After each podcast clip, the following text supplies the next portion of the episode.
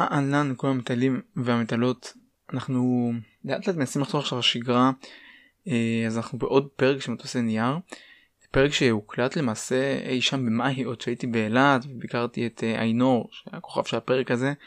והיה לי התלבטות קשה אם באמת לחזור עכשיו לשגרה או לא ואני חושב שחלק מתהליך של אה, ריפוי גם אם זה אפילו ריפוי שלי בעצם העשייה הזאת של הפודקאסט הזה וגם ריפוי שלנו כחברה ישראלית לנסות כמה שיותר לחזור למוטב ולחלום ולפנטז על טיולים וחוויות והרפתקאות שמחכות לנו מעבר לפינה.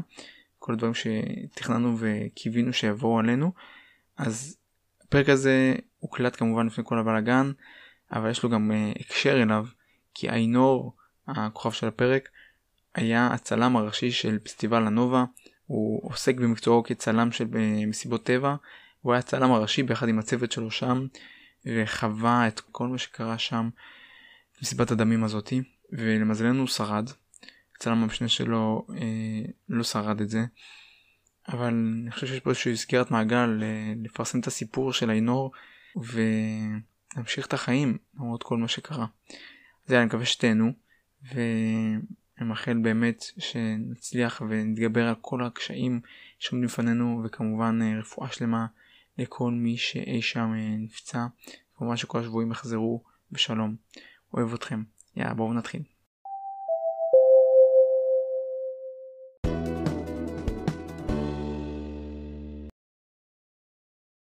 אהלן לכולם ואנחנו בעוד פרק של מטוסי נייר ונמצא איתנו עורך מיוחד אינור נכון איך לקרוא לך? איינור. איינור. כן. אוקיי אבל זה לא השם המקורי. זה לא השם המקורי לא זה שם השם? שנולדתי איתו. איינור זה שם שנולדת איתו. לא. לא. שם שנולדתי איתו. אני אני יכול לספר את הסיפור. יאללה ספר את הסיפור בשביל זה אנחנו פה לשמוע סיפורים. אני יש. אתן שנייה רקע באמת אנחנו נמצאים באילת לא סתם הקלטה מיוחדת בבית שלך ניצלנו מזה שאני פה בחופשת צלילות והיה פה כמה תקלות עם המיקרופון מזל שהוא גם צלם. אז אה, Yeah. ספר את הסיפור וגם ספר קצת עליך שנוכל אה, שנייה להכיר יותר טוב. אוקיי אז בנוגע לשם יש לי מסתבר שזה יוצר הרבה מאוד אה, שאלות. אז מה שקורה אני תמיד בניתי איזה הרצאה כזו של 30 שניות שאני מריץ את זה לכולם וממשיך הלאה. זה התחיל כשהייתי ממלצר אז מה I know מאיפה השם הזה ואין לך זמן כי אתה בפיקים סתם מפיל את הפצצה וממשיך. אז uh, I know הסיפור הקצר הולך ככה לפני שלוש שנים הייתי יזם נדל"ן בארצות הברית החלטתי לשנות כיוון לקחתי מוצ'ילה והלכתי ברגל מגבול, מגבול לבנון למצרים במשך 90 יום וואו. אה, לבד. במינוס 40 מטר עומק, בשיכרון מעמקים, במבחני צלילה, להפוך ל dive master, הייתי צריך אה, להפוך את השם. שם שנולדתי איתו בילדות היה רוני, שם שנהפך זה היה, יצא איינור. מאז אה, החלטתי להקדיש, קיבלתי הארה מתחת למים, החלטתי להקדיש את החיים למסעות ונוודות בעולם. אה, ומאז אני מטייל בעולם, אה, ארבעה חודשים הייתי מפיק מסיבות טראנס בטעות בסרילנקה, 14 יום במסע הישרדות באמזונס בלי מים ואוכל, ו... והתגלגלתי למסע פסטיבלים של אה, שלושה חודשים ב- באירופה. זהו, ומאז אני מטייל בעולם, וככה נוצר השם. מטורף אז אתה בעצם התחלת מאיפה היעד הראשון שהתחלת ממנו זה היה מארצות הברית חזרת לארץ ואז התחלת לטייל או ש... לא, אז את ההזדמנות נדל"ן בארצות הברית עשיתי מהארץ. הייתי כביכול כזה יזם נדל"ן, איש מצליח, אופנוען, מפוצץ טייטלים ומני- ומניירות שניסה להגשים את כולם. אה, ואז אה, מישהו הפיל לי פצצה, סוג של מנטור שלי, מישהו שליווה אותי, אה, והבנתי שאני חי חיים של להגשים אנשים ושל שקר, ורציתי לשנות כיוון. אז לקחתי את עמוד שלה והלכתי. וואו. צעד דרמטי האמת אני חושב שהצעדים האלה הם תמיד אלה שדוחפים אותך קדימה לעשות דברים קיצוניים. אבל uh, האמת שרק לדבר על היזמות נדל"ן מבחינתי זה גם נושא מעניין אבל זה פודקאסט אחר אבל אם עזבת את זה אולי זה לא היה מוצלח כל כך אבל אה, לא, לא, זה לא היה מוצלח. הייתי כביכול שידרתי כל הזמן הצלחה ו- ו- ו- ושהכל בסדר, אבל תכלס הייתי כושל בזה. אה, וזה אחד הדברים הכי טובים שקרה לי, שהחלטתי להיות נאמן לעצמי ולרוץ אחרי פשוט מה שמרגיש לך נכון. אז איך אנחנו פה בארץ אתה בין העבדות אתה לוקח שנייה להשתקע ולנוח זהו. אז אחרי הפסטיבלים קיבלתי הערה שאני רוצה לחזור לארץ, אה, להתחיל להרצות. אה, כתבתי ספר במהלך וואו. הראשון, שעדיין לא יצא לאור. אני אה, רוצה לקבל עותק כשזה יוצא שלח לי יאללה קיבלתי. אפילו ב-head starter אין לי בעיה. אה, וכתבתי בלוג בעיקרון כל יום במשך שעה וחצי שסיפרתי את המסע שלי את התיעוד שלי מה עשיתי הקשיים העליות לא רק את הוואו זה כיף לטייל לבד וסיטואציות הזויות של אני פוגש הרפתקן שלוקח אותי כאילו לפלסטין שמטייל בעולם או סוחר נשים נותן לי טרמפ או אני חוצב מעיין מתחת למים על שמי במינוס איזה שמונה מטר עומק כאילו לא הסיפורים ההזויים אלא יותר ה... אני מרגיש לבד, אני מרגיש בודד, אני מרגיש לא רצוי בחברות כאלו, איך זה לטייל לבד, כאילו, מה זה הקשיים האלו. וכששיתפתי את זה, אז היה לי את החיבור הזה לאנשים. ואנשים ממש אהבו את זה, ואז עם השנים נהיה אימפקט כזה, גדול.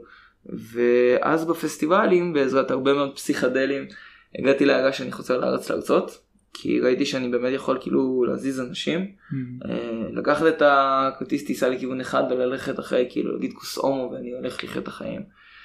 אה, הגעתי לארץ עשיתי הרצאה אחת עברה בהצלחה ואז הרגשתי שעדיין לא שאתה עוד לא בשל. שאני עדיין לא בשל שאני עדיין לא במקום הזה של לבוא ולהרצות. יש הרבה כובד. ללבוא לארצות אתה לוקח אחריות על כל מה שאתה אומר על כל מה שאתה מביע. זהו ומי אני ו- וידחוף את זה קדימה כאילו לא הרגשתי עדיין את הביטחון הזה אמרתי בעתיד עשיתי את ההרצאה עבר עבר טוב עדיין לא שם. אה, ואז נכנסתי כזה לפתאום פתאום הארץ הגיעה אליי והפכה אותי וביטוח לאומי קפץ עליי וגנבו לי את האופנוע והחזירו לי את האופנוע וגנבו לי שוב את האופנוע ופתאום איזו החלטה שגויה עם כסף. מצאתי את עצמי בחוף בארץ ואני כזה מה אני עושה? נתקעת. נתקעתי. אה, ואז גיליתי את הצילום ואז הפכתי לצלם אה, בסצנה של הטראנס. ועכשיו אני רץ על זה ויוצר תוכן. אז אני שנייה קצת פה בארץ מתיישב ואז אני אמשיך חזרה למסורת שלי בעולם. אז כל מי ששומע אותנו גם באמת לראות את התמונות כי יש לו באמת צילומים יפים. אני בן אדם שאישית לא יצא לי עדיין להיות במסיבת טבע למרות שאני? רוצה אני רוצה וואו. אני רוצה יש לי הרבה דברים בפנים שאני צריך עוד להקל לפני שאני הולך לזה נראה לי. גם כן. אני כאילו לא יודע נהיה עייף ב-11 בלילה במסיבות הבנתי מתחילות רק ב-12 אז כן. צריך לראות גם אני לא לא עושה סמים וזה אז בכלל אני לא יודע מה אני עושה. אני. שנים הייתי הולך למסיבות טבע בלי לעשות סמים. שנים אחי. והייתי אנשים היו בטוחים שאני כאילו על סמים כי אני רוקד כאילו אני דלוק על MD השיער שלי מפוזר הפנים שלי עקומות אני קופץ בשמיים אני מזיע אני אגרסיבי אני כאילו אני. אני בטראנס, אני לא איתך. והם בטוחים שאני כאילו דלוק חרבות וכאילו מבקשים ממני, גם יש לי לוק כזה של, של, אה, של מישהו שהוא מוכר סמים, אתה יודע, זקן ארוך, שיער ארוך כזה, בוא, בוא תארגן אותי. ואני כזה, הייתי סחי בלט השנים, על מה אתם מדברים? אז אה, זה לא קשור לסמים, זה הרבה יותר, אה, אז אני ממש ממליץ לך, אני גם אשמח לקחת אותך להפקות. יאללה תיקח יאללה באמת אבל זה. משהו כזה אתה יודע עדין לא הפקה כזאת שאנשים שוברים את עצמם. כן, שם כן. כן, כן, כן, הבנתי, בוטיק כזאת, מחתרת לא חוקית, מחתרת, אני אקח. אותך. יאללה דיל יש לנו דיל אה, בינינו. זהו. אה, טוב אז בוא ניגש שנייה לעניין הסיבה שאתה פה גם אתה טיפוס סופר מעניין. אחת מהמאזינות. אה, פנתה אליי אמרה יש לי מישהו בול בשבילך בול ואז נכנסתי יש לך גם פודקאסט שעשית לטיול שלך באמזונס נכון. מטורף באמת מטורף אני הדבר הראשון שקפץ לי לעין שם זה הקטע שאכלת קוף אמרתי אכל קוף אכל תנין זהו התקבלת לפודקאסט קבלת לפודקאסט, עברת את הסוגיה. אז באמת זה נראה לי העיקר של הנושא שאני רוצה- שנדבר עליו היום האמזונס אז שנייה איך בכלל הגעת מה היה הייעוד אמ, אז במהלך המסעות, אה, ככה, האמת שזה התחיל בכלל במסע הראשון שלי. גיליתי את תיאוריית הכן. תיאוריית הכן אומרת לקחת, להגיד כן לכל ההזדמנויות שקופצות עליך. ואמרתי במסע, כאילו ביום הראשון של המסע הראשון, אמרתי, טוב, נו, מה יקרה אם אני אגיד כן לכל דבר? א', אתה לא תופס אחריות על שום דבר, אז כאילו, אחי, בא לך לבוא לפה, אחי, קח לאן שאתה רוצה. זה כזה, בא לך, ל... בא לך ללכת איתי לשם, או בא לך ל... לעשות את זה, אחי, אל תדבר איתי. או בא לך להצטרף אליי עכשיו לטיול, בוא ניסע. כאילו, אני לא שואל את השאלות האלו. ואז אתה לא מתעסק בדברים הקטנים האלו, פשוט זורם. וכשגרתי בסרילנקה והייתי שם מפיק מסיבות, אז אה, אחד מהחבר'ה בבית חב"ד, קוראים לו אולג, הוא בן 30 כזה, עם מטייל עם אשתו, כזה טיילו בנפאל, הוא לא חבדניק הוא לא חב"דניק, אה. לא לא, הכי כאילו ישראלי בעולם. והוא אמר לי שיש לו חלום אה, לצאת למסע הישרדות באמזונס, בלי מים ואוכל, בארדקור. אה, הסתכלתי עליו ובדיוק ישבנו עשינו שתי ימי שישי ביחד ואמרתי לו כן נשמע לי נשמע לי מגניב אחי יאללה תיאוריות הכן. אז הוא אמר ואז הוא מסתכל עליי ואומר לי אחי סמי פה אני מכיר אותך כאילו יומיים אני כאילו איזה שמונה שנים מנסה להזמין את כל החבר'ה שלי אף אחד לא זורם איתי אתה אחרי כאילו יומיים בא ואומר לי כן אמרתי לו בדוק תיאוריות הכן. והוא לא האמין לי, וחודשיים קדימה סיימתי את ההפקות שלי בסרי לנקה, ואמרתי לו, אולג תעשה מה שצריך, תכין את כל הלוגיסטיקה, פשוט זרמתי איתו. הוא הכין את הכל, ופשוט נכנסנו לשם. אז כאילו פשוט התגלגלתי בגלל תיאוריית הקן. מובילה אותך למקומות אז הזויים. טסת לאיפה זה הרמזון הרי הוא יושב על כמה מדינות נכון. איזה איפה אז אנחנו נסענו לפרו. לאיקיטוס, משם נכנסנו ל-14 יום, אה, בתכנון היה 30 יום, ואז החלטנו אחרי זה היום ה-12 של כאילו, שאלנו את עצמנו האם אנחנו כאילו מפחדים, האם זה חששות, האם זה תירוצים, או שפשוט כאילו מיצינו, מיצוי. ודי מיצינו כאילו, כי כל יום זה לא איזה טרקים כזה של בוא ניסע לראות חיות, לא כזה תיירותי, זה כזה כל יום קמים, מה אנחנו צודים, מה אנחנו, איזה לוקיישן אנחנו משנים, מה אנחנו בונים. זה Mhm. ה vibe. אז כאילו היום אחרי, אחרי היום ה-10, 11, 12, עשינו כזה צ'ק, ואוקיי, אז הגענו לתנינים, הגענו לזה, חווינו את הזה, טוב יאללה בוא, בוא נחתוך. מהמם.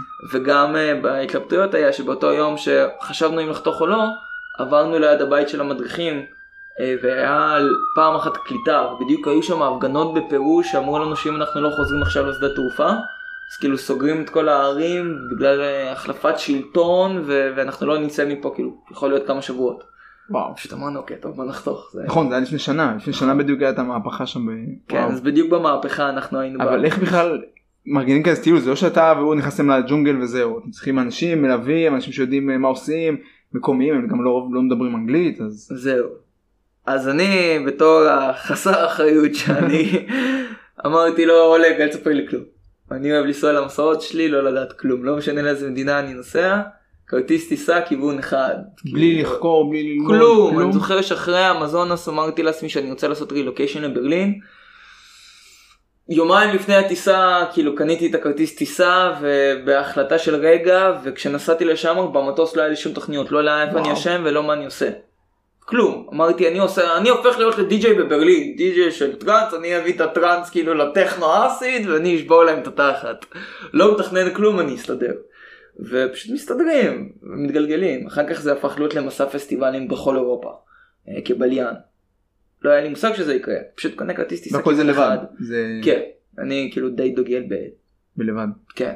צריך איזה ביצים זה זה משהו שאתה ברגע שאתה נכנס אליו אתה מצליח להתגבר על הפחד זה זה כיף זה חוויה בונה אמ, כן אבל אני גם מזכיר לעצמי שאומץ זה לא חוסר פחד אומץ זה לפחד ובכל זאת לעשות את זה. נכון אז כאילו אני עדיין משקשק ואני עדיין רועד וגם אחד מהמשפטים שאיתם אני יצאתי כאילו למסע הראשון זה היה אם זה מפחיד אותי ומלהיב אותי בו זמנית סימן שאני צריך לעשות את זה.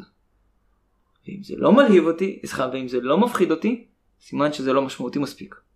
אז כאילו אם יש את האלמנט של הפחד אומר אה אוקיי. אני חושב שיש דברים שהם גם לא מפחידים כאילו יש לך הרבה מאוד דברים בטיול נגיד לצאת לטרק זה לא תמיד מפחיד זה חוויה זה מלהיב אבל זה לא פחד של אז זהו תלוי לאיזה טרק. תלוי איזה טרק כן תלוי איזה טרק אה, ומה קורה בטרק. זהו, אז הטרק הראשון שיצאתי אליו שזה לקחת מוצ'ילה וללכת 90 יום לבד ברגל דרך כל המדינה בלי אפס ניסיון בטרקים. זה לא שביל ישראל? זה היה על שביל ישראל כאילו כן אמרתי אם זה על שביל ישראל. ישראל זה שביל ישראל. זה היה שביל ישראל אבל אז כזה אה אוקיי אני חותך עם ההרפתקן הזה לפלסטין Mm. אה אוקיי אני גר עם היפים בחצי עירום בים המלח איזה שבוע שבועיים אה אוקיי כאילו אתה, אתה כזה בורח לצדדים מקבל חוויות שונות אז Mhm. זה לא הלכתי כזה על השביל פקל ואני לא זז שמאלה ימינה. אתה זז וחוזר. אה, כן. וואי מגניב זה יפה כי זה לצאת מהשביל כל פעם אבל עדיין שיש לך את הדירקטיבה כיוון מסוים. יש לך כיוון מסוים כן. כן. ואז אתה לומד את הנוודות. נכון. הנוודות אומרת שההבדל בין טייל לנווד זה שלנווד אין, אה, אין יעד. זאת אומרת הדרך היא היעד. זאת אומרת אני לא צריך להגיע לאילת בשביל ישראל. אני נהנה מהדרך ואם אני עכשיו חותך שמאלה אני מוכן ללכת שמאלה. ואם אני מטייל וזה לא בדרך שלי או לאן שאני הולך אני פשוט יש לי את היכולת ללכת שמאלה גם אה, או ימינה. לזגום עם מישהו להרפתקה גם אם זה עניין של האומץ וגם של המחויבות אני לא מחויב אבל לאף אחד אני לא צריך להתייעץ איתכם אנחנו מטיילים ביחד אם פתאום איזה מישהו מקסיקני אומר לי תשמע אחי יש לי פה יאכטה בוא, בוא, בוא נעלה על זה נכון זה פותח לך אפשרויות והזדמנויות שאין לך ב... ואתה תיאוריה בטיול. כן אומרת יאללה בוא נעשה את זה גם אם אני מפחד כל עוד זה אין, אין לך את האלמנט של ה... סכנת חיים. של הסכנת חיים, שנייה האינטואיציה שלי אומרת פה שזה לא בסדר. מהמם. אני אומר לזה כן, בא לי, אין לי כוח, אני, אני כאילו יש לי את החבר'ה שלי, אני מכיר את איזו נוחות שלי, היא דוחפת אותך לצאת החוצה, ואז אתה מתגלגל לכאילו דברים פסיכיים שאתה פשוט לא מאמין שיכולים לקרות. מטורף. אז זהו באמת ככה הגעת לאמזונס אז אתם באמת טסים לפרו ואז מה איך מגיעים בכלל אוקיי, אז אני מגיע בלי לדעת כלום. כמו נכון. שאמרתי, אני לא רוצה לדעת שום דבר. אז הוא תכנן. הוא תכנן את הכל, הוא התעסק בכל הלוגיסטיקה. מה שעשינו, הוא עשה את קצת השיעורי בית שלו, הוא מצא מישהו שהוא אינדיאני, שיודע קצת אנגלית, וחבר שלו שהוא אינדיאני, שלא יודע כלום, והוא גר בתוך הג'ונגלים. כאילו, פרופר, גרנו בכניסה לאמזונס, עשינו אצלו לילה בפעם הראשונה, הבית שלו זה פשוט, הוא גר עם איזה שבע נפשות, זה כזה על דק בקומה במטר גובה, עם- באמצע הג'ונגלים, קצת הורידו את העצים מסביב שיראו את הדברים, אה, ו- וסככה, אין קירות, כאילו, אין קירות פשוט. וואו. וככה הם גרים. ואז כאילו זה הארדקור הארדקור, זה אני, החבר, ושתי, ושתי האינדיאנים האלו. פשוט נכנסנו איתם. אה, באפס ידיעה, כן אה, הבאנו קטע עזרה ראשונה, עשינו רק חיסון אחד רק כדי להיכנס לבפנים, כי אני לא מאמין יותר מדי בכל החיסונים וכל הדברים האלו. לא קשור לקורונה, זה כזה... בתור ביולוג אני יש לי פה לפתוח אבל זה, זה, זה פרק בפני עצמו נעשה את זה באפטר פרק. אה, לא, אני פשוט כזה, אפשר לעשות את כל הדברים האלו, אבל לא יודע, אני קצת סקפטי, אתה מבין? כאילו לפעמים אתה יודע דוחפים לנו באמת הרבה כי כאילו זה הרבה פחד וזה עניין סטטיסטי של אם אתה תדבק או לא אבל אה, לפעמים עדיף אה, שבסטטיסטיקה אני לא אפול. זהו, אז לקחנו רק את האחד נגד מלריה ועוד איזה חיסון שאתה חייב כדי להיכנס למים, אה, למדינה, וזהו. לקחנו את זה, לקחנו אה, טלפון לווייני, שלא באמת עבד. כאילו, זה, הוא- זה קאדר, אתה צריך שלא יהיה עננים, והכל מלא בעצים, אתה צריך להיות מקום שבלי עצים, בזמנים מסוימים. שומע, אם מוגש אותך נחש ויש לך 30 דקות עד שנצא לך הלב, זה לא כזה זה לא עוזר, עוזר. זה לא עוזר. כן. אה, לקחנו את זה, זהו, ופשוט הגענו לשם, לקחנו את המוצ'ילות ונכנסנו איך אבל הקלטת את הפודקאסט תוך כדי? הכי, אני מאמין בהכי, כאילו, בהכי חרטא בעולם. זה לא, זה לא לא מסביב. בצילומים אבל. לא בצילומים, עכשיו בצילומים. עכשיו לא. התמקצעת. עכשיו זה התמקצעתי אז עכשיו זה חשוב עכשיו אני גם גובה על זה כסף אז אז שם אני אה, שם אני מקצועי אבל בליצור תוכן אני חושב שזה זה פחות המסביב תלוי פחות עם איזה הקלטה אתה מסתובב זה פחות אם אתה מצלם בעריכה ודברים כאלו שם אני כבר משנה על זה כיוון אבל זה התוכן עצמו.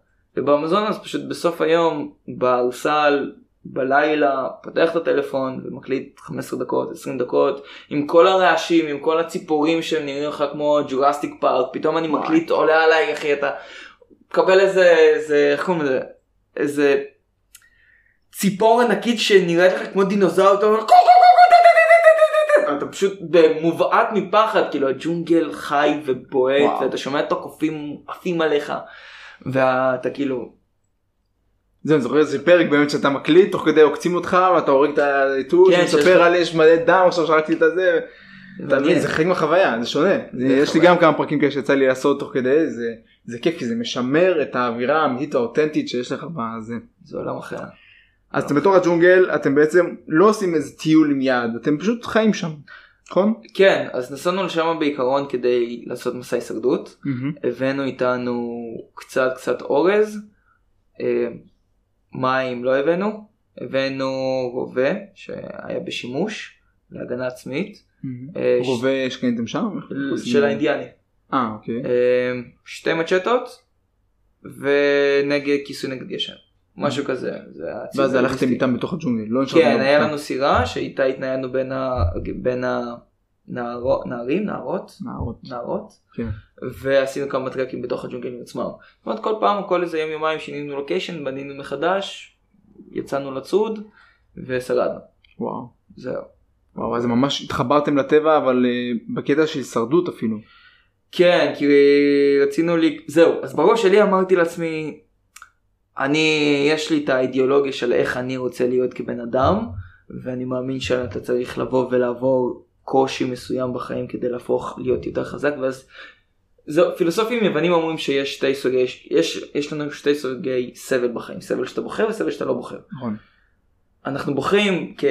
במיוחד כגברים או כאנשים לבחור סבל שאני מבחירה כדי שכשיגיע סבל לא בחירה אנחנו נוכל להתמודד איתו. אז נכון. אמרתי לעצמי אני רוצה כאילו לעשות את זה ומי הבן אדם שיצא אחרי שהוא שורד את הדבר הזה. אתה רוצה להגיע לקתרזיס כאילו להגשמה עצמית שמגיעה אחרי הסבל. מעניין מילה, מעניינת קתרסיס מה זה אומר?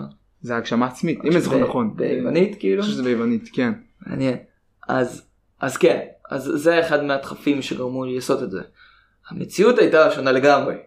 אתה לא יוצא מהאמזונס כולך מלא ביטחון, שרדתי 14 יום, אכלתי תנין, אכלתי קוף. זה לא מה שאתה יוצא מאצ'ו, כזה טרזן vibe, לא. אתה יוצא, אתה אומר, אני לא אשרוד את זה טוב, אני לא אשרוד שתי דקות באמזונס בלי האינדיאני, ואתה לא. מבין כמה אתה כלום ושום דבר. כמה האדם הלבן כאילו, אני זוכר שביום הראשון דיברתי על זה הרבה, הבן של המדריך שהיינו אצלם בבית הוא ילד בן 11 וכשאתה מגיע לשם הכל שונה. אה, כאילו אתה מגיע לעולם מקביל, אה, לממש ממד אחר, כי העצים שונים, ה- האוכל שונה, אתה טועם דברים שבחיים, יש שם תפוחים שהם לא באמת תפוחים שהם בטעמים שונים או כל מיני אגבות והצמחייה היא שונה לחלוטין, זה עולם מקביל. אפילו ההליכה, אפילו ה- ה- האדמה היא שונה, והבוץ, ואתה פשוט לומד ללכת כמו ילד, כמו משחק מחשב, אתה מתחיל מאפס, עם אפס קילס, שכל דבר יכול להרוג אותך, אתה לא יכול לצוד שום דבר כי אתה לא יודע לצוד שום דבר, שכל רגע יכול לקפוץ איזה נחש, שהכל זז ופועם, ו- ואני בקושי הצלחתי גם ללכת, כי היה לי גידול במוח כשהייתי ילד, אז יש לי בעיות של משקל, אז אני גם לא החזקתי מצ'טה ביד, אלא מקל הליכה, מצאתי מקל ואיתו הלכתי כאילו בג'ונגלים. אז אתה, אחרי 14 יום האלו אתה לא אומר, וואו אני כל יכול. אתה מבין, כאילו זה מכניס אותך להמבלנס של, אה שיט, כאילו, אוקיי. נותן לך פרופורציות. מה זה פרופורציות של בוא בוא אתה, אתה האדם הלבן ש, שיודע לחיות טוב מאוד ולהסתדר פה אבל בשמה בטבע אתה לא תשרוד יום אחד. ממש זה מטורף כי באמת כל הקטע של לקטים ציידים מדברים על זה שהם ידעו הרבה יותר היו חכמים יותר. יובל נוח הררי בדיוק מי שלא קרא לא שמע ממליץ למרות שיש חילוקי דעות על הדברים שלו אבל בשורה התחתונה האדם אה, פעם היה יותר חכם כי הוא היה יודע את כל הצמחייה מה הורג אותו ומה לא הורג אותו איך צדים את הבעל חיים אתה לזהות את הסאונד שהם עושים לדעת להבדיל ביניהם. היום אתה יודע ללכת למכולת וזהו אתה לא יודע אפילו מאיפה מגיע המוצר שאתה אוכל. אה, אני זה- לא יודע אם אנחנו פחות חכמים מהם אבל אנחנו זה מעניין כי מי החיה ששורדת בטבע זה לא החיה הכי חזקה זה לא החיה הכי חכמה זה החיה שיודעת אה, הכי מהר להסתגל לשינויים. נכון. והאנשים האלו, הקדמונים, הציידים לקטים, ידעו להסתגל הכי הרבה לשינויים. נכון. אנחנו לעומת זאת, השינויים שלנו הם שונים לגמרי. אבל גם אנחנו פה, מי שמצליח וחווה קריסות כלכליות ב-2008 ולא משנה מה, מי ששורד לו, זה מי שיודע, אוקיי סבבה, הדברים השתנו, העבודה שלי כבר לא רלוונטית, אני צריך למצוא עבודה חדשה. אה אוקיי, השוק קורס, אני חייב למכור את הנכסים או לצפות. יודע לעשות את הסוויץ' האלו. אז אני, אני חושב שאנחנו יודעים לעשות את זה טוב, פשוט לא- אנחנו מסתכלים, היום אנחנו נלחמים דרך החשבונות. נכון זה שונה. אבל היום באמת אין את העניין של האבולוציה הרי אבולוציה זה אומר החזק שורד החזק מתרבה יותר היום דווקא האנשים הפחות מוצלחים הם עושים לך תשעה ילדים המשפחות היותר עניות הם עם הרבה ילדים והאנשים אולי אפשר להגיד היותר מוצלחים היותר חכמים הם עושים פחות ילדים אז אצלנו באמת האבולוציה קצת השתנתה בדור הזה Mm, זה, אבל זה באמת נושא ארוך ועמוק mm, להיכנס אליו כן. כי זה גם להתחיל להשוות בין אנשים וכל אחד יש לו את האינטליגנציה שלו יש את העניין של ריבוי אינטליגנציות יש אפילו מנעד של 7 או 9 שכל אחד לחלק את האינטליגנציה שלו כן, כן. לפי זה. שזה נהיה כמו, כמו צלב השטן, כמו זה של השטן, הכוכב של השטן, כן. כן. בדיוק, דבר כזה. טוב נחזור שנייה לג'ונגל יאללה. אז איך נראה שגרת יום אתם קמים בבוקר יש ארוחת בוקר או שצריכים אותה לצוד אוקיי. אז לפעמים האינדיאנים אה, הלכו לצוד, לפעמים זה היה משהו שצדנו יום לפני, אה, לפעמים אתה פשוט לא אוכל. אחד הדברים שזה מלמד אותך, מכניס אותך לפרופורציות אז של אם אתה לא אוכל, לא משנה מה זה. זה יכול להיות פיראנה או חתיכת כאילו בשר אה, של פקה שזה משהו כמו בין חזיר לאוגר ענק משלשום ש...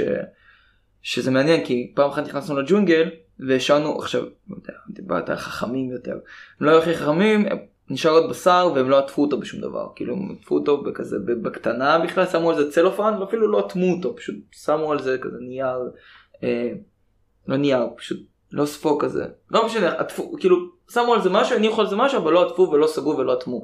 וכשזה חזרנו אחרי יומיים אה, מתוך הג'ונגל, אז כל הבשר היה מפוצץ בתולעים. אתה לא זורק בשר, אז מה עושים? אז חותכים את החתיכה הגדולה של הפאקה הזאת, חותכים את זה לריבועים, ואז כל ריבוע אתה חותך את החלק שנאכל על ידי התולעים, ואז יש לך בשר שהוא לא נאכל על ידי התולעים. עכשיו אם אתה לא אוכל את זה, אתה לא אוכל. זה, זה, זה, זה החוק, כאילו, זה מה שקורה, אם אתה לא אוכל אתה לא אם אוכל. זה חי או מבושל? אה, אז, אז חלק מהפעמים בישלנו את זה, חלק מהפעמים אתה פשוט שם את זה על מקל ושם את זה מעל מדורה, שדרך אגב סופר קשה לעשות אש באמזונוס, בגלל שהכל רטוב. הכל רטוב, אז השיטה שאתה מה שאתה עושה, זה אתה לוקח עץ כלשהו, ואז אתה שם את זה בין הרגליים בצורת ישיבה, כאילו אתה מניח כאילו, יש לך קצה אחד בין הרגליים, קצה אחד על החזה, אתה לוקח את המשטה ומתחיל לגרד. וכשאתה מגרד אתה מגיע לה באמצע, והבאמצע הוא יבש, ועם היבש הזה אתה מתחיל להדליק. עכשיו אני ניסיתי להדליק כמה פעמים אש. אבל עם מצית או עם אבני אש או... לא לא, הבאנו פעם אחת גפרורים, ופשוט הכל היה כל הזמן רטוב. אני לא זוכר אם היה מצית, אני אגיד לך את האמת. אני זוכר שהיה היה אבני אש בטוח. הבאנו, נראה לי הבאנו גם גפרורים פעם אחת, כאילו כמות מסוימת של גפרורים. אני זוכר שהייתי מדליק, כאילו הייתי עושה את זה והייתי מכין את האש. עכשיו האש נדלקת, אתה יודע, כשכבר יש אש, יש להבה, ואני זוכר שפעם אחת ישבתי 40 דקות, על, כי הלחות כל כך גבוהה, שיש להבה, היא בוערת, וברגע שאתה מפסיק לנשוף לבפנים, היא נחבאת. וואו. אז 40 דקות אתה צריך לעשות את המלחמה הזאת של האש, אה, ואתה מזיע, ואתה עם הראש שלך כאילו ככה. יש לי תמונה של זה, אני לא זוכר איזה יום זה היה, שאני פשוט מת מגיהנום, כולי עם הראש ככה בתחתונים, מדליק את האש הזה מתחת ל... אה, לצי... ל... איך קוראים לזה? מרזן. לברזנט, כן, שזה היה זוועה. אז היום נפתח של או שאתה אוכל מה שיש לאכול או שלא. אנחנו אמרנו אנחנו נהיה כאילו הארדקור ואני והשותף שלי אנחנו נעשה מסע הישרדות באמזונה זה לא מי צריך משחת שיניים קוסמק אנחנו צריך לשחק ככה אנחנו לא צריך לצחק מה זה הישרדות בסוף לא? האינדיאנים כן צחצחו. בטח שצחצחו הם צחצחו ואנחנו כמו חארות ביום השמיני כבר יש לך ריח של גיהנום מהפה. כי אתה גם אוכל חרא. נכון. והיינו מצחצחים ממעלה או עם חול היינו מצחצחים או עם האפר של המדורה היינו מצחצחים את השיניים. ואמרנו טוב אולי אולי היינו צריכים להביא מברש של שיניים ו... אה, ומשחת שיניים. חשבו מי זה השיגינר האלה שלא מצחצחים שיניים. כן, הם הסתכלו עלינו בתור כאילו אנחנו פראי אדם. אה, ואז אנחנו אה, בבוקר אני אישית אה אוקיי. היה סיפור שזה מעניין חלק מזה זה ללכת לשירותים. היה סיפור כשהיינו בימים הראשונים כשקפצנו דרך הבית של האינדיאני אה, הלכנו לשירותים אני ואולג 50 מטר משם. כשהלכנו לשירותים ראינו נחש ענק.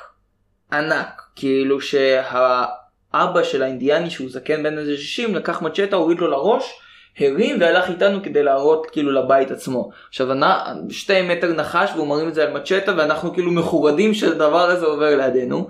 ואז האינדיאני שידע קצת אנגלית כזה חצי שבורה ואולג שמדבר בספרדית אז הוא סיפר לנו שהנחש הזה ארסי ואם הנחש הזה עוקש אותך יש לך 30 דקות עד שנעצר לך. הלב. מאז אני ואולג היינו הולכים לשירותים מאוד מהר. כאילו אתה מגיע מוריד את התחתון מחרבן משתין וחוזר כאילו אין לך פה יותר מדי התלהמות. אה, אתה גם כשאתה. מתכופף אתה פוחד שמשהו ייתן לך ביס ב... אתה משקשק מפחד. אתה פשוט משקשק מפחד.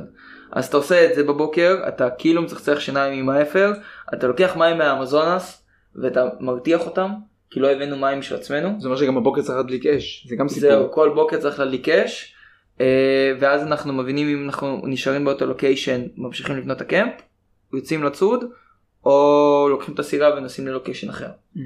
אה, וככה נראה ימים יום בערך. ואיזה שיטות ציד הם משתמשים? האקדח, אה, יש בשביל תנינים, יש להם כזה, אתה לוקח פשוט מקל עץ מאוד ארוך ולמטה יש קלשון משולש כזה, שזה נראה בערך, אני לא יודע איך לתאר את. זה, כאילו שלוש, שלוש כמו כזו- מזלג כזה. מזלג כזה של שלוש, כזה לבפנים, סופר קשה לצוד עם זה, אני לא הצלחתי, כי הם צדים את זה מהסירה עצמה.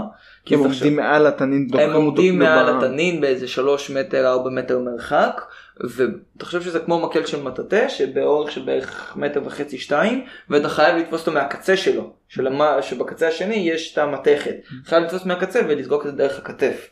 אה, אתה ממש מטיל את זה כמו כידון. הם מטים את זה כמו כידון. וואו, כי תנין זה קשה, תנין יש לו אור, וואחד אור. כן, ואתה חייב לפגוע בדיוק בחלק של הצוואר. זה הכי קרה. זהו, אני לא הצלחתי לעשות את זה. ניסית?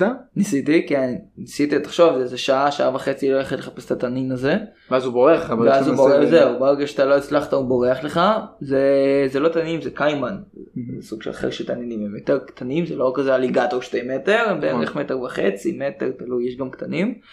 אה, ולפעמים הלכנו לצוד אה, רגלי, בתוך כזה ביצה שכזה יש לך מים עד לבערך עד לעקב.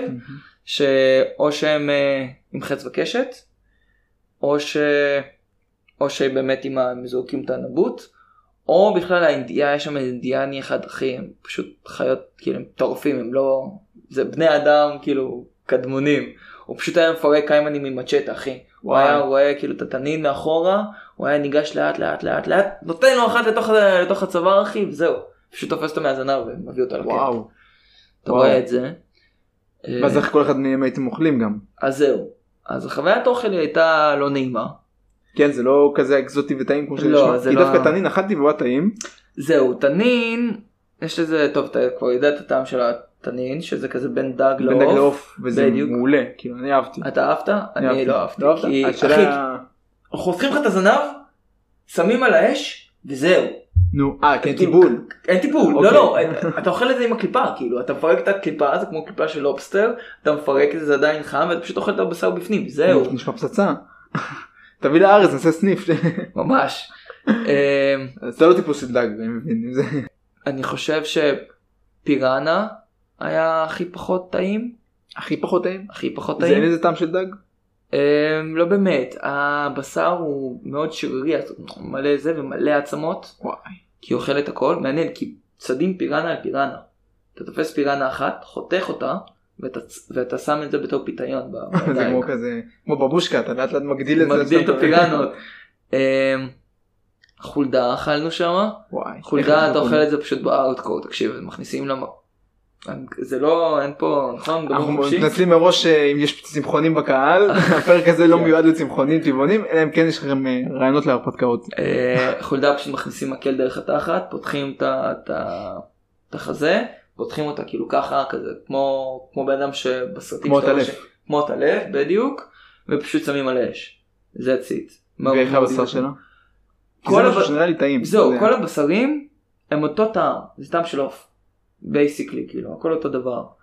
אמ, פאקה, שזה כזה, נראה כמו בין חזיר ל, ל, ל, לחולדה ענקית, אז הוא פשוט יותר שומני. אה, הוא טעם של חזיר אבל כמו בייקון או אה, לא, אין לזה טעם טעים, פשוט הוא יותר שומני. אז קשה כזה לאכול אותו. פומה, היה שם סיפור על פומה. פומה? תקפה אותנו פומה ביום החמישי. וואו. ביום השלישי. אז כאילו כשהיא תקפה אותה, את החבר'ה שהלכו לצוד אותם, אז אתה, שוב, יש לך בשר, או שאתה משתמש בבשר או שאתה לא משתמש בבשר. אבל היא תקפה אתכם ואז צדתם אותה? היא תקפה אותם אז הם פשוט ירו בה. יואו. הם הלכו לצוד בחמש בבוקר, ו... והיא פשוט תקפ... תקפ... קפצה עליהם. אז והיא כאילו- פגעה בהם איכשהו? או ש- אז זהו, היא כמעט פגעה בהם, נתן לה ירייה אחת, ואז היא עשתה סיבוב, ואז קפצה עליה מאחורה, בזמן הזה הוא הטעין באמצע הלילה ו- וירה בה שוב, בקפיצה השנייה, ממש בפעולה היא קפצה עליהם. אה, זה מה שהם סיפרו לפחות. וממש, אני זוכר, בחמש בבוקר, את הזריחה, הם מעירים אותנו, כולנו, כולם בבהלה, אנחנו לא מבינים מה קורה, תבואו אחרינו, שימו את הנעליים, הלכנו עד לשמה, אה, וכאילו היינו צריכים לאסוף אותה. אז וואו. ממש זה כמו- כבד. זהו זה כבד היא שקלה איזה 30 קילו אז שמנו אותה על מקל קשרנו לה את הרגליים ואת הידיים אני ואולק. לקחנו אותה על הגב. וואי זה כמו בסרטים. זהו זה כמו לך- יש לך בסרטים תמונה של זה? יש תמונה של זה יואו, אני בדרך כלל זה לא פסיכי. משתף את הדברים האלו אני אשמח לראות, לא יודע אם אני הצופים... אה, אני אראה לך. וואי, זה כמו בסרטים. אה, וזה היה ממש כאילו הגנה עצמית. כי זה- הם לא הלכו לצוד אותה והיא פשוט תקפה אותה באמצע.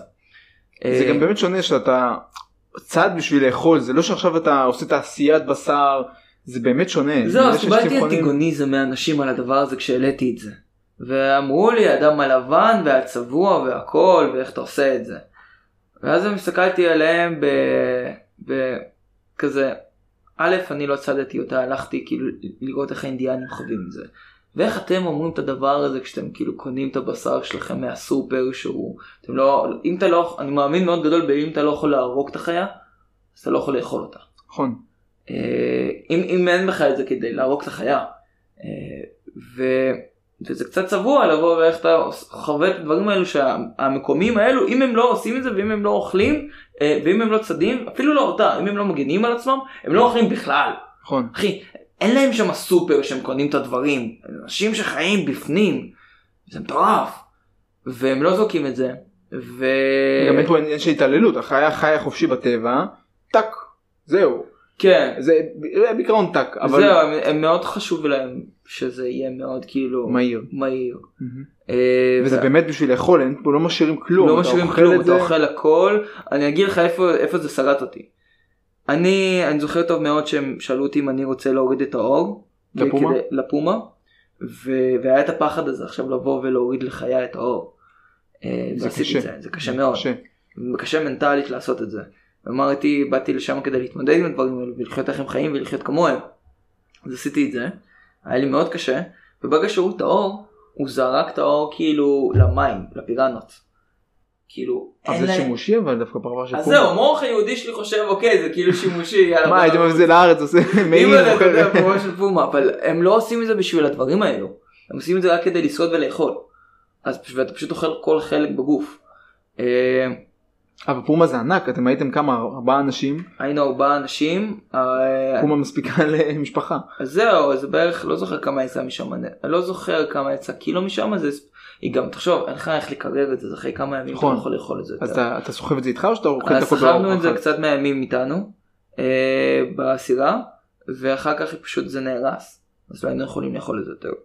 איך הטעם של פומה אבל? בשר פשוט מלא שריר, אז אתה נוגס את זה מיליון שנה. אה, אבל הכי קשה היה לאכול, זה הקוף. מנטלית. מנטלית, הכי קשה. כי אני, כי קוף, הביאו לי את היד של הקוף. והיד של הקוף זה היה קוף קטן, זה היה קוף כאילו בגודל של, לא יודע, 30 סנטים כל הקוף. ו- וכשהיד זה מרגיש כמו יד של פעוט. אתה כאילו מחזיק מהכתף עד, ל- עד ליד, ואם אתה לוקח את האצבע שלך, השליש מהאצבע, כאילו היד של הקוף עם הארבע אצבעות שלה מחזיקה לך את השליש של האצבע. יואו. כמו של תינוק קטן. והאור מאוד, עכשיו בדרך כלל מה שאני עושה, כי שוב זה קשה מנטלית לאכול, אתה חותך את זה עם הסכין, ואז אתה יש לך את הבשר, ואז אני חפק לעצמי את הבשר, ואז אתה יודע, אתה לא צריך לבוא את כל החוויה. נכון. אבל בגלל שהאור היה כל כך צמוד לבשר, הייתי חייב לפרק את זה עם השיניים. עכשיו, וואו. אתה צריך לפרק את זה עם השיניים, ולא רק זה, בגלל שקיבלתי את היד, אתה צריך לשבור את המרפק, כמו של הרגל של כמו העוף. כנפיים. כן, זה מרגיש כמו יד של פעוט. כי אתה, זה אחרי שאתה שורף את הקוף אז אין לזה שיער. זה- וזה, אתה צריך לשבור את הדבר הזה ואני כאילו אמרתי שקשה לי לעשות את זה אז ביקשתי ממנו שיחתכו את הכף יד של הקוף כי זה קטנטן מנטלית זה היה סופר קשה. יש באמת אלמנטים מסוימים שתמיד אה, מראים לך את הנפש אני כאילו בשנה הראשונה בתור בביולוגיה אתה עושה ניתוחים לבעלי חיים והיה לי Mhm. קשה לראות את העיניים שלהם בזמן הניתוח תמיד הייתי מכסה כזה עם מפית את הפ- את הפנים אם זה יונה או משהו ואז מוותר את- את כל שאר הגוף אבל כשאתה רואה את העיניים או רואה איזה אלמנט שמכניס לך את הנשמה של החיה קשה. אה, זהו זה היה קשה. זה היה קשה. אבל אה, זה הדברים שכאילו מחזקים אותך. אה, וזה נראה לי כל החיות שפגשנו שם. שאכלתם. שאכלנו כן. נחש אכלתם. בסוף? נחש לא אכלנו היה ארסי מדי. אמ, זהו, היה שם פעם אחת שכמעט אה, מתתי. כן. מאכילה או? לא, לא, לא, היינו באמצע טרק והיה שם איזה סיפור הזוי של... בעיקרון, טעינו, נכנסנו לבפנים, רצינו לחצות חלק שטח אה, של האמזונס, להגיע לצד השני, לנהר מצד שני, ונכנסנו לבפנים ונאבדנו. עכשיו, להכניס לפרופורציות, הכל בגשם, הכל רטוב, הכל ביצתי, אסור לך לגעת בעצים, כי כל עצים הם מאוד מגננים אחרי עצמם, אז יש להם מלא קוצים, ולך תדע מה יקפוץ עליך, יש נמל- נמלים. יש נמלים ויש הכל, אה, ולי יש את הבעיה שיווי משקל. אז אני אפילו לא הולך עם מצ'טה, יש מקדימה מישהו שהולך, שהוא מפרק את העשבים, ואני פשוט לא הייתי יכול להחזיק מצ'טה בגלל שיווי משקל, כי אתה שמאל לימין, אז הייתי הולך פשוט עם מקל עץ. ואתה פשוט הולך ב... יש לחות כל כך גדולה, אתה מזיע כמו חמור, ואתה הולך בביצות האלו שעות לגבי שעות. וטעינו בדרך ואז היינו צריכים לחזור אחרי איזה יום אה, יום חזרנו לבפנים. וכשחזרנו התחיל, התחיל מבול ומה שאתה קורא יש מלא מלא נערות קטנים כאלו בזמן שאתה עובר ואת הנערות הקטנים האלה אתה חוצה יש בול עץ שנפל ואתה הולך על הבול עץ הזה. שוב אני עם הבעיות שבמשקל לא הצלחתי לחצות את הבול העץ אז מה שהייתי עושה יש אפילו סגנון כזה שאני מתיישב על הבול עץ עם התחת ומקפץ כאילו ממש מקפיץ את עצמי קדימה. ואוסף את כל הנמלים והחולרה בדרך. אז זהו ספציפית שם כי זה היה בולי עץ שלא היה יותר מדי נמלים גם אתה עושה את זה מהר אז לא מבין איך עובד זה אבל אני פשוט לא הצלחתי ללכת על הבולי עץ האלו כמו שהם לא היה לי את השיווי משקל אז אני פשוט יושב ומקפיץ את זה. ולקראת הסוף היה היה פשוט תהום ענק של 7-8 מטר שלמטה יש סבך מלא עצים ואתה כאילו אתה לא מבין כמה זה עמוק באמת כי יש מלא ענפים כאלו. ואתה מסתכל לפעמים אתה רואה 6 מטר, 7 מטר, 8 מטר עומק.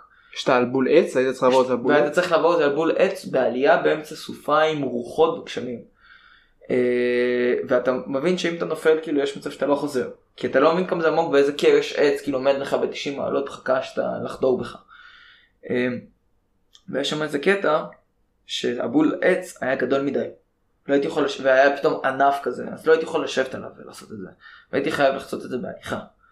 ו- והרוח נוגסת בך והם מתחילים ללכת ואז אתה פשוט עולה לבפנים ואתה עושה צעד צעד כזה של סנטימטר אחרי סנטימטר כי הוא היה עגול מאוד ו- והאדרנלין עולה לך בגוף ואתה מבין שאסור לך לעצור והרוח נושבת וה- והסופה עליך והגשם עליך והכל מחליק ואתה עושה צעד צעד ויש לי פחד גבהים נוראי. אז אתה עושה את הצעדים האלו ואתה, ואתה מפחד, אתה משקשק והגוף שלך ואני זוכר את הרגע הזה שפתאום אתה, אתה נקפא באמצע ואתה מבין שאם אתה נופל אתה מת ואם אני עכשיו עוצר ואתה מקבל את הקיטאון, קיפאון הזה במצב של אדרנלין כי זה חלק ממנגנון הישרדות כאילו fight or flight mm-hmm. או כאילו קיפאון. אז, אז אני זוכר את הרגע המאוד ספציפי הזה של אני נקפאתי ואני לא יכול והדמעות כאילו עולות לך כבר ואתה חייב להמשיך הלאה. ואתה מקבל את זה את הפרופורציות האלו ואז פשוט המשכתי לבפנים ואני זוכר את הרגע הזה שכאילו הרגל שלי החליקה. ואתה מקבל את ה... אתה יודע מאחורה פתאום יש לך הווש אדרנלין כזה מהצד שאתה כאילו או שאתה כמו שאתה נופל כמעט מכיסא אז אתה מקבל את הזריקה הזאת אני זוכר את ה... שהרגל שלי מחליקה את הרפלקס הרגל שלי מחליקה ואני מנסה לתפוס איזה משהו. ובדיוק בשנייה הזאת הייתי כבר לקראת הסוף והיה במזל איזה ענף מאחורה שהצלחתי לתפוס והצלחתי לייצב את עצמי. וכל החוויה הזאת, כאילו ברגע שירדנו מהבול לעץ וסיימנו את הטרק בדיוק אחרי 7 דקות, זה היה איזה טרק של איזה 6 שעות, וואו. אחרי 5 דקות סיימנו הגענו למקום מבטחים, ואז עולה לך כל הפוסט טראומה, ואז עולה לך את הדמעות, ואז עולה לך לשנייה להישבר, להיזרק לבפנים לאדמה, ופשוט כאילו להתחיל לקרוס. אני זוכר שגם ברגע הזה הקלטתי את הפודקאסט, כי היה לי חשוב להעביר את הרגע האותנטי הזה. גם זה חלק של לפרוק זה כמו טיפול פסיכולוגי אתה מוציא מעצמך את כל מה שישב עליך. כן. אה, כן כי זה לבוא ולטפל בזה. זה גם הפעם היחידה שנכנסתי למים. כי אף אחד לא, גם האינדיאנים לא נכנסים למים. בגלל? כן, בגלל שאתה לא יודע מה יכול לקפוץ עליך שם, אז מה שעושים אתה לוקח איזה קערה ואתה פשוט שותף עצמך מלמעלה. אה, אחרי זה היה היום השישי, השביעי, השמיני, אני כבר לא זוכר. ואתה פשוט מגיע למצב של כאילו, אני עוד שנייה מתתי על הזין שלי הכל, כי לא התפשטתי ואתה נכנס בתוך המים, האינדיאנים מסתכלים עליהם מה אתה עושה, וואי. אני כזה שיאכלו אותי קוסומו פירנדות, לא מעניין אותי שום דבר, אני מסריח, אני הולך להתקלח. אז אתה פשוט נכנס לבפנים, זו המקלחת היחידה שהיה לי כאילו פרופר. או שאתה כל היום נשטף, כל היום אה, יורד דרך הגשם, כן, אבל אתה עדיין מסריח. ברור. אז אה, זה היה החוויה. וחזרת אבל שלם מהשחייה הזאתי. מהשחייה הזאת כן. שחייה אחרת לא. מהמזונוס עצמו חזרתי אה, פלוס אחד לא חזרתי לבד. לא יודע אם שמע זה שחיטת לי קצת בסושיאל אם שמעת את הסיפור הזה. יש לך פתאום ילד באמזונוס ונשאר שם. סוג של לא אוקיי לא בתוכי. אז יש דבר מעניין שהזהירו אותי שבתוך המזונס יש לך לפעמים שנכנסת לך שמטילים לך ביצים. אוי ואיזמיר אני לא לדידה שלי זה קרה. שהטילו בביצים ואז כאילו הביצים האלו מתפשטות ויש כאילו מיני מיני תולעות כאלו שאוכלות אותך ואוכלות לך את הבשר. בקטנה לא רואים את זה במיקרוסקופי. ידידה שלי זה היה לי זה ושמעתי טיפולים והיא נתקעה שלוש חודשים כאילו באמזונוס לטיפולים שם עזוב סרט של החיים אבל הייתי מודע לזה. ובימים האחרונים של האמזונס למדריך שלי היה לו את זה. היה לו תולעת שכאילו נכנסה כאילו עקצו אותו והתולעת הייתה לו אצלו במצח. כמו בסרט של אה, חזרה מטאוויצ'י ראית? ראיתי. היה לו גם עכשיו תולעת, בעין, בעין. לא היה לו תולעת פה, במצח. אז כן היה לו משהו דומה. אז יש לי גם סרטון שאנחנו מצלמים את זה מה שהם עושים באמזונס. בישראל לא יודעים איך להתמודד עם הדברים האלו. מה שהם עושים הם לוקחים כאילו סיגריה. הם... בעיקרון אפשר לעשות את זה על דף נייר, כן? הם לוקחים את הניקוטין ואז הם שואפים את זה לחלק הזה של הכף יד, לחלק בין האגודה לאצבע, שם החלק פה של מלא אור. נכון. עושים כאילו נושבים לבפנים ויש על זה ניקוטין. אה, אפשר לעשות את זה גם על חתיכת נייר, אם אתה לוקח סיגריה ואתה שוטף לחתיכת בד גם נשאר ניקוטין, כאילו שהוא נוזל. אתה לוקח את הניקוטין ושם את זה על התולעת. כאילו שמים את הסיגריה מעל היד, נושפים לתוכה ואז ו... לא, לא, הניקוטין לוקחים את? הסיגריה, שאיפה, נושפים לתוך היד ואז בגלל שיש כאן את האור אז. אז שוב אתה בשטח אז יש לך את ה- קצת מעל החוט הזה יש לך נוזל של הניקוטין שזה רעל ואז שמים את זה על התולעת התולעת אוכלת את זה מתה ואז אתה פשוט מוציא את זה כמו חדשקון. זה מה שהיה. ואתה מוציא אותו אתה רואה תולעת ממש? אז זהו אז אנחנו חיכינו לא יצא תולעת אבל כן הוא הרגיש את זה בפנים יש כזה רואים סרטון שלו צועק והכל. שמים לו את הניקוטין הוא מרגיש איך התולעת אוכלת את זה איך כואב לו והיא מתה ואז זה כאילו איך שעובר זה היה כבר בסוף הטיול לא ראינו את התולעת יוצאת. אבל זה הרג אותה. זה הרג אותה לזה היינו מודעים. עכשיו הסיפור הוא כזה. הדבר הכי מפחיד באמזונס שמוציא הכי הרבה אנשים מאמזונס זה לא תנינים זה לא נחשים זה לא מלריה זה לא מחלות זה דבר אחד. זה יתושים נכון. ויתושים וזבובים. יתוש זה החי שהורג הכי הרבה בני אדם כל שנה. באמת. כן. יותר מנחשים, כרישים, הכל. הגיוני. כי הם עוברים הכי הרבה מחלות. עכשיו שם זה לא המחלות. גם. אגב גם אם מוצאים אותך איזה 20-30 נמלות אז כאילו אתה מפונה מהאמזונס כאילו כי יש לך כבר אה, לא זוכר מה זה היה אבל כאילו הגוף שלך כבר לא יכול להתמודד עם כל. הרעל הזה. כן. אה, אבל יתושים תחשוב שיש לך 100-200 יתושים עליך וכשאני אומר 100-200 אני לא מגזים 100-200 יש לך נחיל. הם, הם עוקצים אותך פיצוצים. עכשיו למזלי הרב אני כל הילדות וגם היום אני פשוט לא טעים. אני לא טעים הם לא אוהבים אותי. יש לך מזל. באמת. אני הסתובבתי שם בלי חולצה והייתי כמו אינדיאנים הם כן הציקו לי אבל הם לא אכלו השותף שלי מת. מה זה מת היו עוקצים אותו אולי 100 פעמים ביום הוא היה נהיה כמו. ילד בן 16 מחוצ'קן כל הגוף. עכשיו אותי עוקצו אולי כל הטיול 30 פעמים כן זה זז בכל מקום זה משגע אותך הוא רצה ללכת אחרי היום השישי הוא לא האמין שזה אבל מה הם עושים? איך הם מתמודדים באמת עם ה... הם עוקצים אותך פשוט משגעים אותך הם כל הזמן על הגוף שלך. עכשיו איפה האירוניה? אותו עקצו אינסוף פעמים אותי לא עקצו בכלל. אני מגיע לארץ. אז יש את העקיצות האלו בקטנה ויש איזה עקיצה אחת שמופיעה לי. ואני צוחק אה, אני אומר כזה אה יכול להיות יש לי תולעת בתוך היד כאילו יש סיכוי כזה כמו שהיה לי למדריך. ואני הגעתי לאילת מלצרתי את פסח ואני עדיין ממלצר ופתאום התולה העקיצה היא לא עוברת. ופתאום אחרי גיליון כאילו יש לך גלידה כזאת ופתאום הגלידה נופלת. ולא וכשהיא נופלת אתה רואה חור בתוך היד ושום כאילו היא לא מכסה את עצמה אחרי שהגלידה נופלת אחרי איזה שבוע שבועיים. לא, האור לא, לא גדל. לא גדל פשוט יש לך חור שאתה יכול לעבור עם פנס ולראות כאילו וואו. לבפנים כזה עמוק או משהו? זה- אתה רואה את ה... אתה לא רואה כמה זה כי זה חור קטן אבל אתה ממש רואה חור כאילו כאילו עושים לך שערה וזה יש לך חור בב- בבשר. ופתאום התחלתי להרגיש רעידות לבפנים. הייתי מודע למצב של התולעת ואמרתי לעצמי יכול להיות שיש לי תולעת בתוך הגוף. כי זה מתחיל לגרוד. ואני גם יודע שאחרי שחזרתי לארץ לוקח לה כש- כשתולע- כשזבוב או יתוש שותל בך ביצים לוקח ש- שבוע שבוע וחצי שבועיים עד שהביצים הופכים לתולעת שאין לך כלום. פתאום התחלתי להרגיש רעידות. וכל פעם שאני גובר פתאום אני מתחיל לדמם מהמקום הזה. ואני מדמם יותר ויותר ויותר ויותר ואני מגיע לבית חולים אחרי איזה שלוש שבועות ואני אומר להם חבר'ה. יש לי תולעת בתוך היד. למה חיכית עם זה? היית הולך ישר. ידעת שיש לך כי- בעיה. כי חשדתי אבל לא אין לך דימומים. כי אתה אומר לא בטוח מה זה יכול להיות זה סתם. ורק אחרי שבועיים באמת הביצים הופכים לתולעת ואני כבר בטוח שיש לי תולעת אני אומר להם חבר'ה יש לי תולעת בתוך היד. תעזרו לי עם זה. מסתכלים עליי בודקים אותי טטי טטה אומרים לך תשמע אחי אין לך תולעת קח זה יש לך נגד זיהומים זה יעזור לך. אני אומר לכם חבר'ה אני מרגיש שאתה בפנים אוכלת אותי. כאילו זה לא מצחיק אני מרגיש שאתה בפנים זזה. אומרים לא לא לא לא הכל בסדר. שיטה עם ניקוטין? אה? שיטה עם ניקוטין? לא, כי אנחנו בארץ, וזה גם לא עובד, כי לפחות לא חשבתי על זה. יכול להיות זה עובד בארץ, לא יודע, לא חשבתי על זה. ואומרים לי לא, אז אני לוקח את המשחה הזאת ואני שם את זה, שם את זה עליה. היא מדממת, מדממת, מדממת, בום, נעלם לי הדימומים. אמרתי, טוב, הרגה התולעת, מי מתה, היא תעבור. אחרי זה שלושה ימים שנעלמים הדימומים, אני קם בבוקר, כל המיטה דם, אני מגיע למקלחת ויש לי סרטון שפשוט החור הזה משפריץ לי דם כאילו הוא לא מפסיק כאילו לדמם.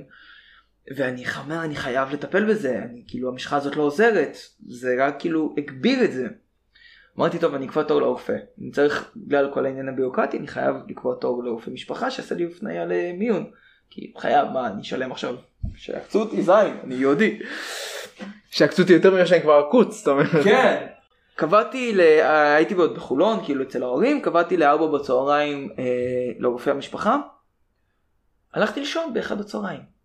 אני קם בשלוש ורבע, לפני הרופא.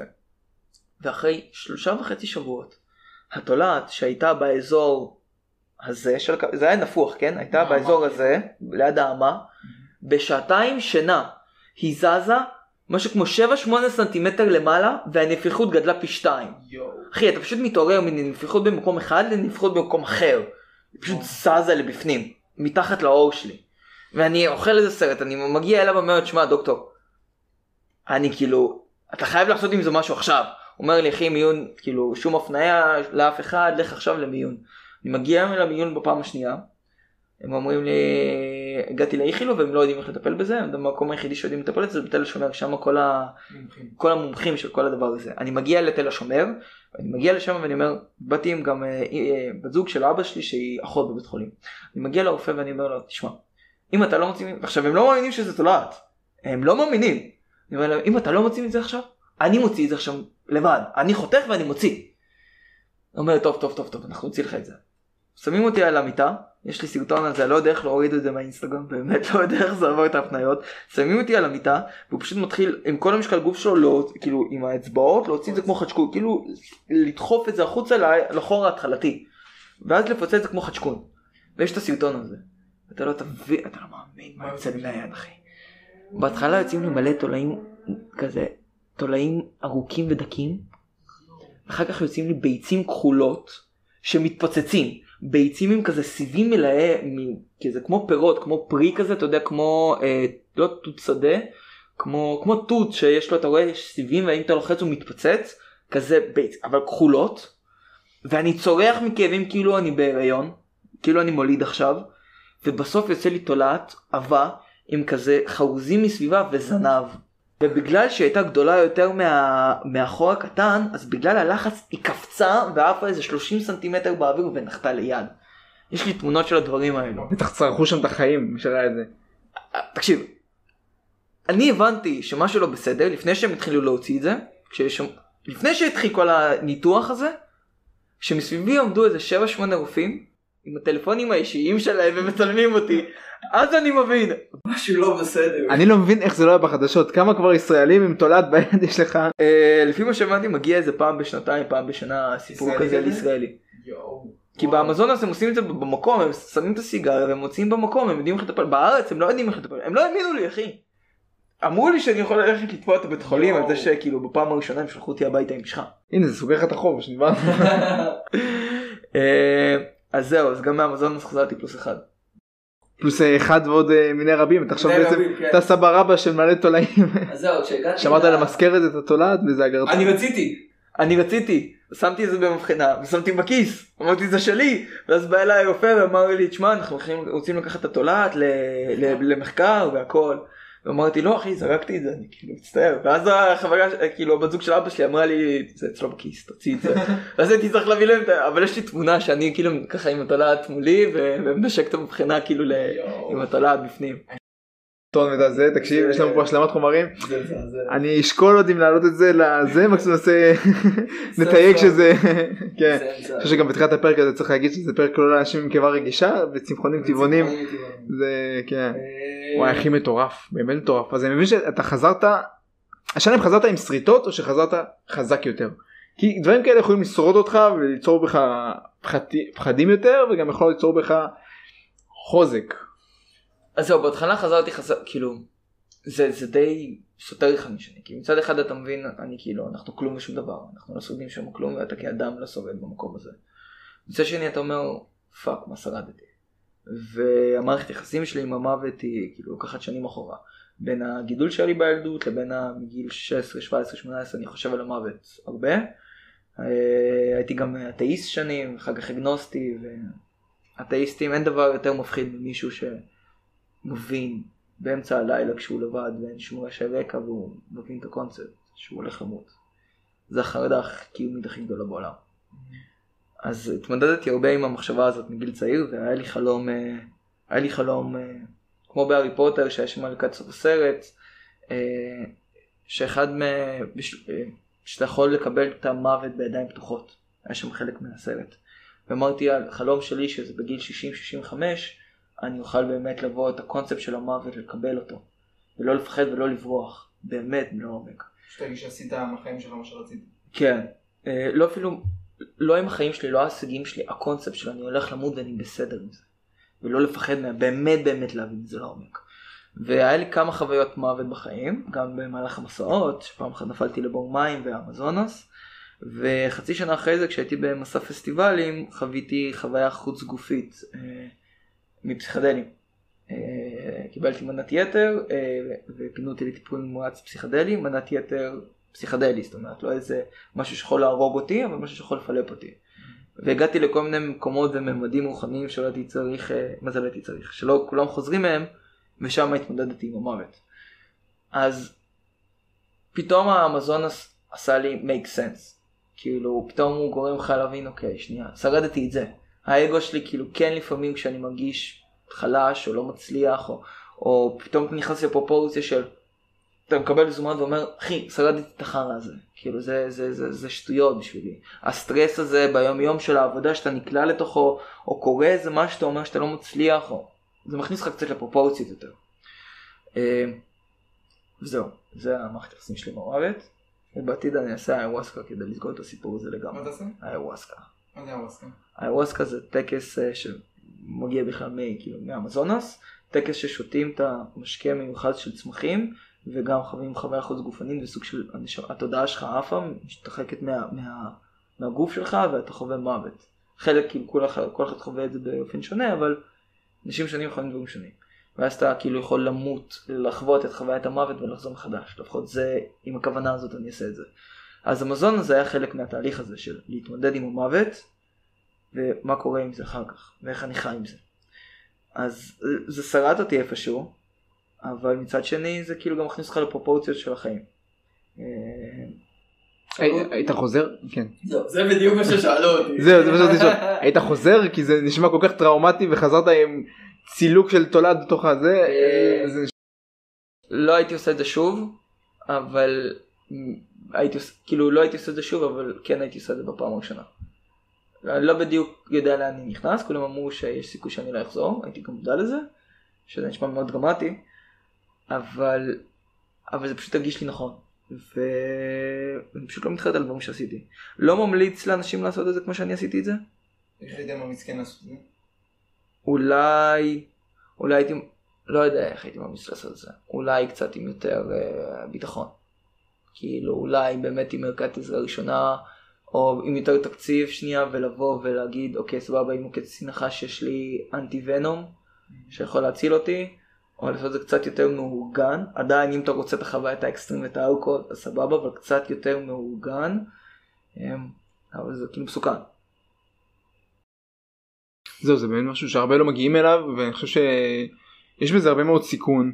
כן אפשר לעשות את זה פחות אקסטרימי כאילו אפשר ללכת עכשיו אז יש מלא, כן, יש מאורגן, מיליון יומיים, מסעות כאילו שעושים את זה בסבבה, שעושים את זה מאורגן, יש את זה מלא. נכון אבל כאילו המאורגן מדי לפעמים זה קצת מעצבן שאתה הולך עכשיו בקבוצה של עוד מלא ישראלים ויש לך מדריך שמראה לך חיות זה נחמד והכל אבל דווקא על הצוד וזה כן קורץ לי אבל אני לא יודע אם הייתי מסתדר עם התנאים אני לא בן אדם מפונק אבל להסתדר עם זה שאתה בתת תנאים במשך שבועיים כמעט וכל התנאים שם של הג'ונגל הרי עוקצים אותך ומוצצים לך את הדם ואתה פוחד ליפול לתוך בור וכל כך הרבה פרמטרים שאין לך את המקום הזה הבטוח שאתה יכול שנייה לנוח בו. כי לא היה לך מיטה ולא היה לך סככה ולא היה לך לא, אין לך את זה, אבל בסוף היום יש לך, יש לך ארסל כזה שהוא מכוסה בסדין נגד היתושים, שאתה כזה, יש לך רישקה שאתה פותח, אתה נכנס סוגר, 20 דקות הורג את היתושים שנכנסו בשנייה וחצי הזה, ואז יש לך כזה איכשהו אזור בטוח. אחרי היום השלישי אתה כבר מאמין שחיות לא יתקפו אותך בלילה, כי הם רואים סדין לבן שהם לא יודעים לזהות את זה, זה מפחיד אותם. ואז אתה כאילו, יש לך את האזור הבטוח הזה. אני לא, אני לא הרגשתי הרבה תחושת פחד, כאילו חוץ מהרגעים ספציפיים, תחושת פחד כללית כזאת. זה יכול להיות גם מטמטום, כן, האומץ, הגבול בין אומץ לטמטום הוא מאוד. הוא דק מאוד, כן. יכול להיות סתם הייתי מטומטם ולא אמיץ וכזה, אוקיי יאללה, סביר להניח. אתה יודע, אתה גם, זה היה לפני שנה, אבל ככל שאתה מתבגר אתה עושה מטומטם, אני צריך לפחות לסכן את החיים שלי. אבל אה, אנשים מצליחים לעשות את זה, פשוט לא כזה הארדקור. אני לא, כאילו. קיבלנו השראה מפגרת מחזרה מטוויץ'. שבוא נגיד איך שזה נגמר שם לא הייתי לוקח מזה השראה. זה- זהו. זה לא, לא יודע, היה שם סוף טוב לצד אחד של האנשים, לא לא כולם שם חזרו. לא. וואי תקשיב זה סיפור מטורף ואני חושב שזה אחד המטורפים ששמעתי by far באמת היה פה הישרדות והיה פה סכנת חיים והיה פה גידול של תולעת בתוך ה... וואו והייתי גם רוצה לטעום את החיות למרות שזה נשמע מגעיל אבל הייתי רוצה לטעום. יאללה אחי היה כיף לארח אותך. היה תענוג, מעולה אחי. תודה. רבה רבה שאירחת אותי אחי. היה באמת, אני מה זה שמח שעשינו את זה. תודה רבה תודה רבה אחי אז יאללה אני גם ממליץ לאנשים לעקוב אחריך איפה מוצאים אותך? אז יש אותי באינסטגרם ובפייסבוק, אה, באינסטגרם זה I know cogno, כאילו באנגלית, אין יותר מדי, פשוט לחפש I-N-O-R, ובעתיד אני אוציא את הספרים שכתבתי. אה, זהו, יש, אה, מי שרוצה לשמוע את החוויות של הדבר הזה, אז יש אותי גם בפודקאסט, אה, לכתוב יומן מסע בספוטיפיי או באפל מיוזיק, ואתם תמצאו, זה ספציפית על האמזונס, יש שם עוד כמה פרקים ללא קשר, אה, וזהו, ואני פתוח להזמנות, אני כרגע בארץ, מצלם טראנס ואירועים, פסטיבלים, ואנשים מיוחדים, אה, וזהו, זה אני. טוב אז מה היה לנו היום? אם הלסת שלכם לא על הרצפה אני חושב שיש לכם פה איזה בעיה כי אני הייתי בהלם מכל הסיפור במיוחד מהחלק על, ה... על הביצים בגוף מה שנקרא במזכרת שהוא הביא לארץ. ושמעתי וראיתי דברים מגעילים בחיים וזה פשוט גועל נפש. הוא אחרי זה הראה לי את התמונות והסרטונים פשוט גועל נפש. וואו. באמת ולא לא הרבה דברים מזעזעים אותי. אז אני חושב שזה היה באמת פרק מיוחד אז אה, אני מקווה שאהבתם. ודרך אגב אנחנו מביאים את תינור הישר להרצאה אצלי בסלון. אז מוזמנים לבוא לשמוע ולפגוש את הבן אדם המדהים הזה פנים אל פנים. אז אפשר למצוא אותנו בכל הרשתות החברתיות באינסטגרם ובפייסבוק פפרסון פודקאסט. אני גם מפרסם שם על הדבר הזה. אוהב אתכם ויאללה נראה אתכם בפרקים הבאים. ביי בינתיים.